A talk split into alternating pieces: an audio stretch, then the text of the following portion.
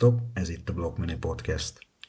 Ma nem azzal a rövid témával jelentkezem, amit terveztem, mert tegnap egy fontos gazdasági esemény volt, nevezetesen a Fed, az amerikai egybank kamat döntőülése, és mivel hogy az elmúlt időben ez volt a tőkepiacok által leginkább várt esemény, ezért ma erről, ennek gazdasági hatásairól és természetesen röviden a kriptopiacról fogok beszélni. Szóval 22 éve nem látott mértékben 0,5%-kal emelte a Fed az amerikai jegybanki alapkamatot tegnap este. Utoljára 2000-ben a dotcom válság előtt emelt ennyivel. A döntés nem okozott meglepetés, a piac már beáraszta ezt a döntést. Tegnapi napon megjelent egy statisztika, ami szerint a befektetők 98%-a várta a fél százalékos kamatemelést tőkepiacok mellett a dollár árfolyamában is látható volt már a várt fél százalék pontos emelés, hisz az elmúlt időben mind a dollárindex, a DXY, mind az euró-dollár árfolyam 5 éves csúcsra ment. Egyébként a tavalyi májusi értékéhez képest is 16%-ot emelkedett mind a DXY, mind pedig az euró-USD páros. A magas dollár nem kedvez sem a részvénypiacoknak, sem a kriptóknak, illetve mivel a tőkepiaci kontraktusok több mint 80%-ának dollár az elszámoló ára, ezért a magas dollár azt is jelenti, hogy a befektetők befektetéséktől megvárva inkább dollárba tartják a pénzüket. Ugye van az, amikor a jelszó cash is king, vagyis a készpénz a király. Általában ezek az időszakok azok, amikor a nagy többség egy tőzsdei korrekciót vagy összeomlást vár, és inkább dollárban parkoltatva várja azt a lehetőséget, hogy azt újra befektethesse azt a pénzt. Egyébként a legutóbbi ilyen időszak pont akkor volt, amikor a Covid miatt beestek a tőzsdék, és a dollárindex 2020 március elején napközben érintette a 103-as értéket, amit most ugye túl is szárnyalt egy picit, de az akkori napi záróértéke 99-en volt. Akkor is a befektetők pozíció zárásai erősítették a dollár értékét. Viszont egy fontos megértés, hogy az amerikai háztartások adózott jövedelmének vásárló ereje 10,9%-kal zuhant az elmúlt évben, és ebben ugye az idei még nincs is benne, ami akár duplázódhat is. Mindez úgy történt, hogy a DXY, ugye a dollárindex egy év alatt közel 16%-ot erősödött. Tehát a dollár erős ugyan, de vásárlóértékét a magas infláció elrodálja. Apropó, nemrég volt Warren Buffett cégének a Berkshire hathaway a szokásos éves befektetési találkozója, ahol Buffett elmondta, azok után, hogy az elmúlt időszakban, amikor inkább nettó eladó volt a részvénypiacon, tehát több részvényt adott el, mint amennyit éppen vásárolt, hogy az első negyed évben 50 milliárdos bevásárlást tartott, főképp olajipari részvényekből, de megvett egy olyan biztosítót is, akinek a tevékenységét közel már 60 éve figyelte. A cégnek egyébként még így is maradt 105 milliárd dollár befektetni való pénze. Emlékszem egyébként, hogy amikor kezdődött a Covid ö, mizéria, akkor még a bitcoin piaci értéke olyan 180 milliárd dollár körül volt, és Buffett akkor közel annyi készpénzen várta azt, hogy egy ilyen dupla V alakú válság lesz, ugye, amiből csak szimpla V lett. Tehát ugye elő szokott fordulni az is, hogy a nagyok is tudnak hibázni, tehát ő is kivárt, és inkább a pénzen ült, ő is azt mondta, hogy cash is king, és várt azt a lehetőséget, amikor be tud fektetni. És ha már Buffett, és ha már ez a konferencia, akkor Warren Buffett itt ismét egészte egy picit a kriptókat, mondván, hogy ha Amerika ingatlan piacának 1%-át megkaphatná, azért fizetne is, viszont az összes bitcoinért nem fizetne 25 dollárnál többet, tehát értéktelennek tartja. Ugye gondol itt arra, hogy a, az ingatlan az hozamot is tud ter- termelni, és ugye az értéke is növekszik, amíg ő a kriptokban nem lát értéket. Én ezért nem bántom Buffettet, ő a Benjamin Graham féle iskolán nőtt fel, 91-92 éves, és nem abba a korba él, amikor a kriptók ugye teret nyernek maguknak, ő így gondolkodik, ez is egy vélemény. Visszatérve a tegnapi kamat döntésre, hát nagyon jó belépője volt Jerome Powellnek. Mindjárt az első mondata az volt, hogy az infláció egyszerűen túl magas lett.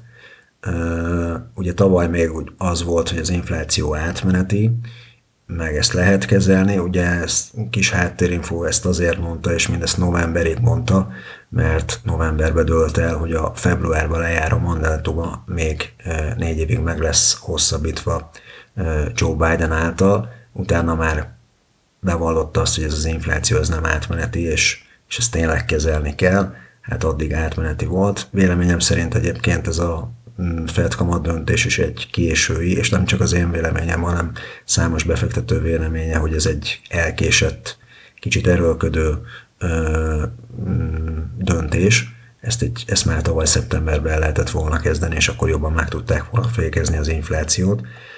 Folytatva egy magi kommunikét, azt mondta, hogy márciusban nagyon magas a 6,6%-ra emelkedett a Fed által leginkább követett inflációs mutató, ugye ez a személyes fogyasztások indexe, ez a PCE. A jegybankának továbbá bejelentette, hogy milyen ütemben kezdik majd leépíteni ezt a közel 900 milliárd dollárosra hízott mérleget, amivel most ugye rendelkezik a Fed, az amerikai jegybank. Ez talán még a kamatszintnél is fontosabb volt, mert az előbbi gyakorlatilag beáraszta a piac, addig az utóbbira csak becslések voltak. Ez a mérleg még egyébként a pandémia kitörése előtt megnéztem, körülbelül 3800 milliárd volt, tehát ugye most közel 9000 milliárd. Ebből is látszik, hogy mennyi pénzt tett be az amerikai jegybank az USA gazdaságába, azáltal ugye, hogy pénzt nyomtatott, és mint államkötvényt, mint diázálok kötvényt vásárolt amit most aztán majd egy bizonyos ütembe ugye vissza is tesz a piacra.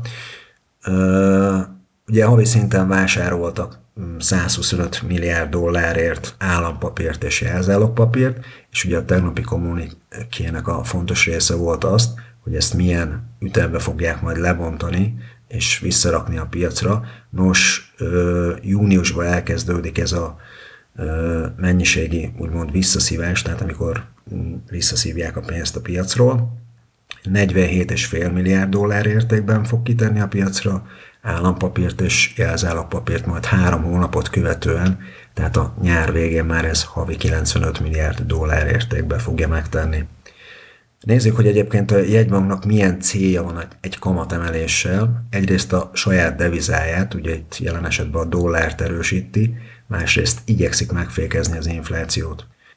Azért is van most nehéz helyzetben a Fed egyébként, mert az első negyedéves amerikai GDP mínusz 1,4% volt, míg a márciusi infláció pedig 8,5%. A gyenge első negyedéves adatban sok minden mellett az export gyengesége is megmutatkozott, és itt most hivatkozhatunk az ellátási láncok nehézségére, meg Kína zero covid policyjára, amiből ugye kifolyólag lezárások voltak, de maga az erős dollár is vissza tudja vetni az exportot. A kamatemelés mérlegelésénél még az is szempont, hogy milyen az adott ország munkaerőpiaca. Nos, az USA ezen a téren nagyon jól áll, közel a teljes foglalkoztatottsághoz, 3,6%-os munkanélküli mutatóval, és kétszer annyi betöltetlen állással, mint amennyi álláskereső van a piacon. Ebben a helyzetben érdekes is lehet, amit mondok, de nem is előnyös, hogy ennyien dolgoznak, hisz itt sok a kereső háztartás, akik a bérüket fogyasztásra fordítják, és azt tudjuk, hogy az USA GDP-nek 68%-a a fogyasztásra támaszkodik. Na most, ha fogyasztás van, akkor nehéz inflációt csökkenteni, bár nemrég napvilágot látott egy tanulmány, miszerint az amerikai fogyasztók 52%-a visszavágja az éttermi költségeit, 42%-uk kevesebbet vezet, Ugye Amerikában nagyon fontos a benzinár kérdése. Ugye tudjuk, hogy nem akkor autókkal járkálnak, mint mondjuk egy átlag európai, és ugye két-három hónap alatt megduplázottak a, az olajárak, amiből kifolyólag ugye itt ez a statisztika is mutatja, hogy többen már kevesebbet vezetnek. 40%-a lemond a nyaralásról, 32%-a más, főképp olcsóbb terméket választ, de ami egy kicsit megdöbbentő, 12%-uk már úgy tervezi, hogy egy havi rezsiszámláját nem fogja majd befizetni. Szóval azért érzik ők is rendesen az inflációt, és egyébként Amerikában 80-as évek elején módosították az inflációs kosarat, amit ha nem tettek volna meg, akkor most a valós infláció 12-13 százalék lenne ott is. A feszes munkaerőpiac, ahol több a betöltetlen állás, meg egy árbérspirál kialakulásához vezethet, ahol a munkavállaló csak magasabb bérért hajlandó adott helyen és munkakörben dolgozni, ami béremelést a cég beépíti az eladott termékébe, így annak nő az ára, és ez, ugye ez tovább gerjeszti az inflációt. Most ugye tudjuk azt, hogy a Covid idején három stimulus csekket is kaptak az amerikaiak, ebből kifőleg voltak olyanok, akik ezzel a három stimulus csekkel jobban éltek, mint hogyha visszamentek volna dolgozni. Tehát Amerikában ugye az is egy nehéz feladat volt, hogy egyáltalán visszamenjenek dolgozni az emberek, és most ugye ez a fezes munkaerőpiac sem segíti az infláció csökkentését. Az egyik legfontosabb forex pár ugye az euró USD, tehát a, az euró és a, az amerikai dollár, így fontos beszélni az Európai Központi Bank kamatpolitikájáról is.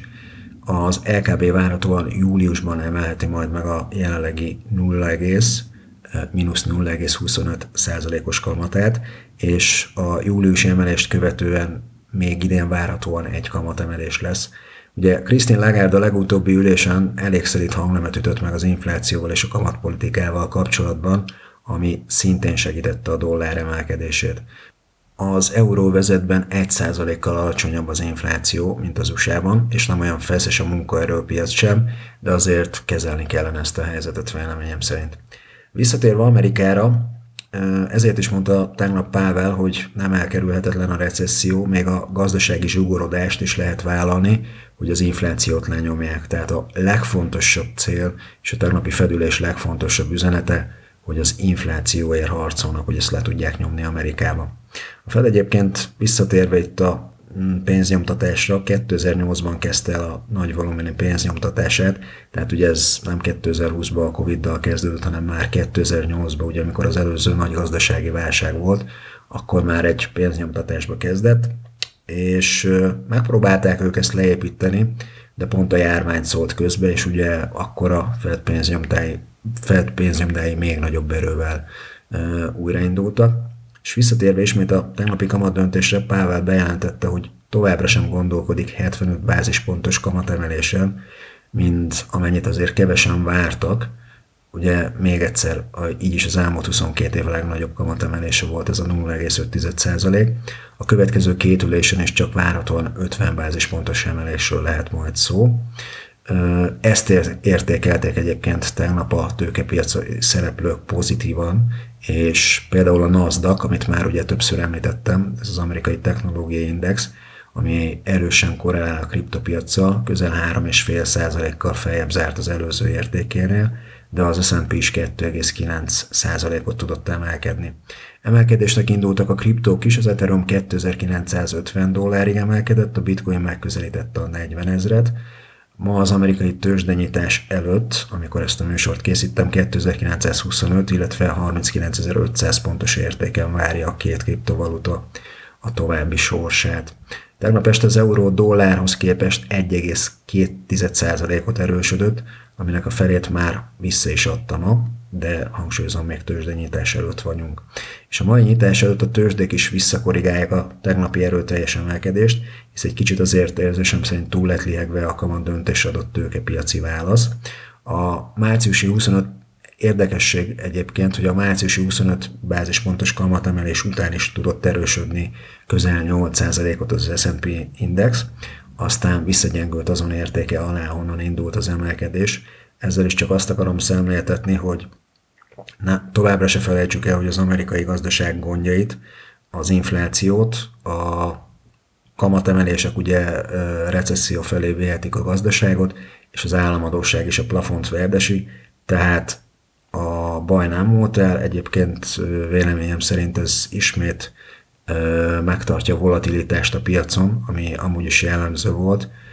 Én nem emlékszem, régóta nézem a tőzsdei árfolyamokat, de nem emlékszem olyanra, hogy mondjuk ránézek itten idő szerint délután 4 órakor egy nasdaq is mínusz 100 pontba áll, és záráskor meg mondjuk plusz 200-ba.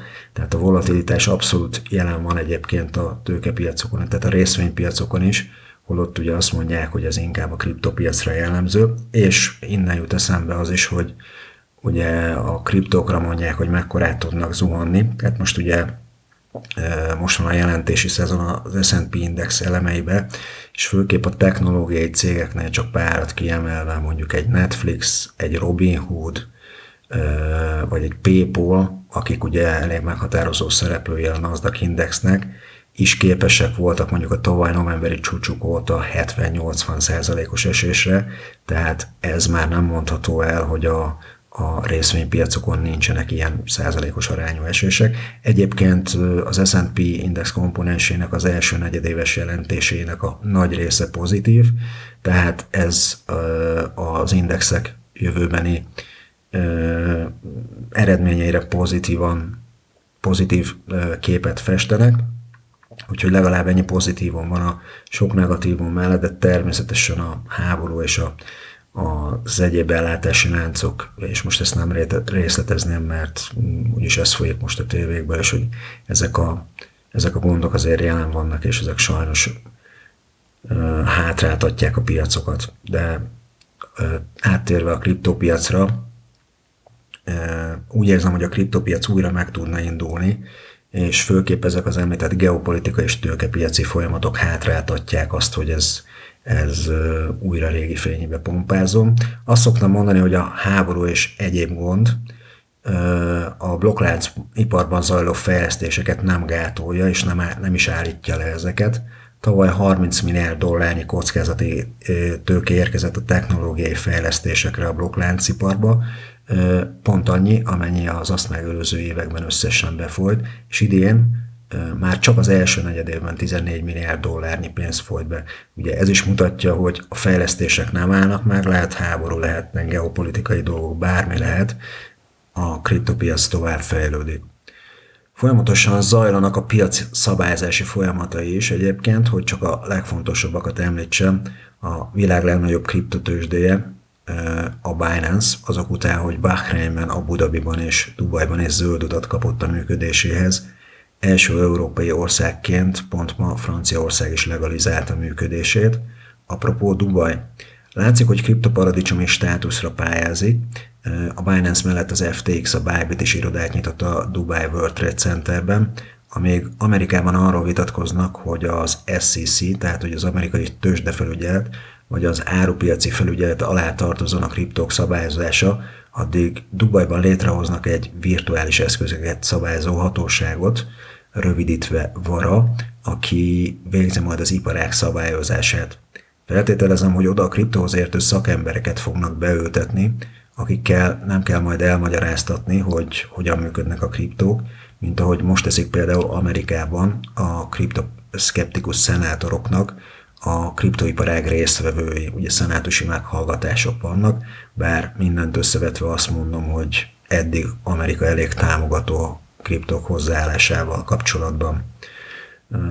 Sajnos friss hír, hogy India tovább húzná egy eplőt, és az év elején behozott 30%-os kriptoadót és 1%-os tranzakciós adót, tranzakciós illetéket, megfejelvén még a dexeken váltott kriptókat is megadóztatná 20%-kal, bár ez utóbbit véleményem szerint azért nehéz lenne kivitelezni, úgyhogy kíváncsian várom ezzel kapcsolatos fejleményeket. Ha már Indiánál tartunk, az NFT-k jelentőségére ott is felhívják a figyelmet, nagyon fontos szerepet szánnak nekik. Mindig meg szokták említeni, hogy milyen sok felhasználási lehetőségei vannak az NFT-knek. Itt mondanám el egyébként, hogy Kína sem tiltja az NFT-ket. Ugye tudjuk, hogy az NFT-ken NFT-ket nem csak képek tárolására tudjuk használni, hanem ugye ezek a non-fungible, nem felcserélhető tokenek, itt ugye a tulajdonjog az, amit, ami blokkláncra kerül ezáltal, de az abban az NFT-be akár lehet egy doménnév, lehet egy ingatlan nyilvántartás, mm, akár egy személyigazolvány is lehet NFT-ként, sőt, amire már ö, Amerikában bizonyos helyeken ö, vannak próbálkozások is, akár egy sport eseményre való belépő is lehet már NFT, illetve akár egy koncertjegy is. És ha már szóba hoztam a nem helyettesítő tokeneket, ugye az NFT-ket, akkor a Nike tavaly megvett egy céget, akik virtuális cipőket készítenek, és kibocsátottak egy 20 ezer darabból álló NFT kollekciót, aminek a legdrágább darabja épp a múlt héten ment el 130 ezer dollárért. De úgy átlagban a többi darab is ilyen 5 és 8 ezer dollárért kelt el. Ez is mutatja, hogy az NFT-k továbbra is a figyelem középpontjában vannak. Aztán a Gucci jelezte, hogy bitcoint is el fog majd fogadni a jövőben termékei vásárlásakor.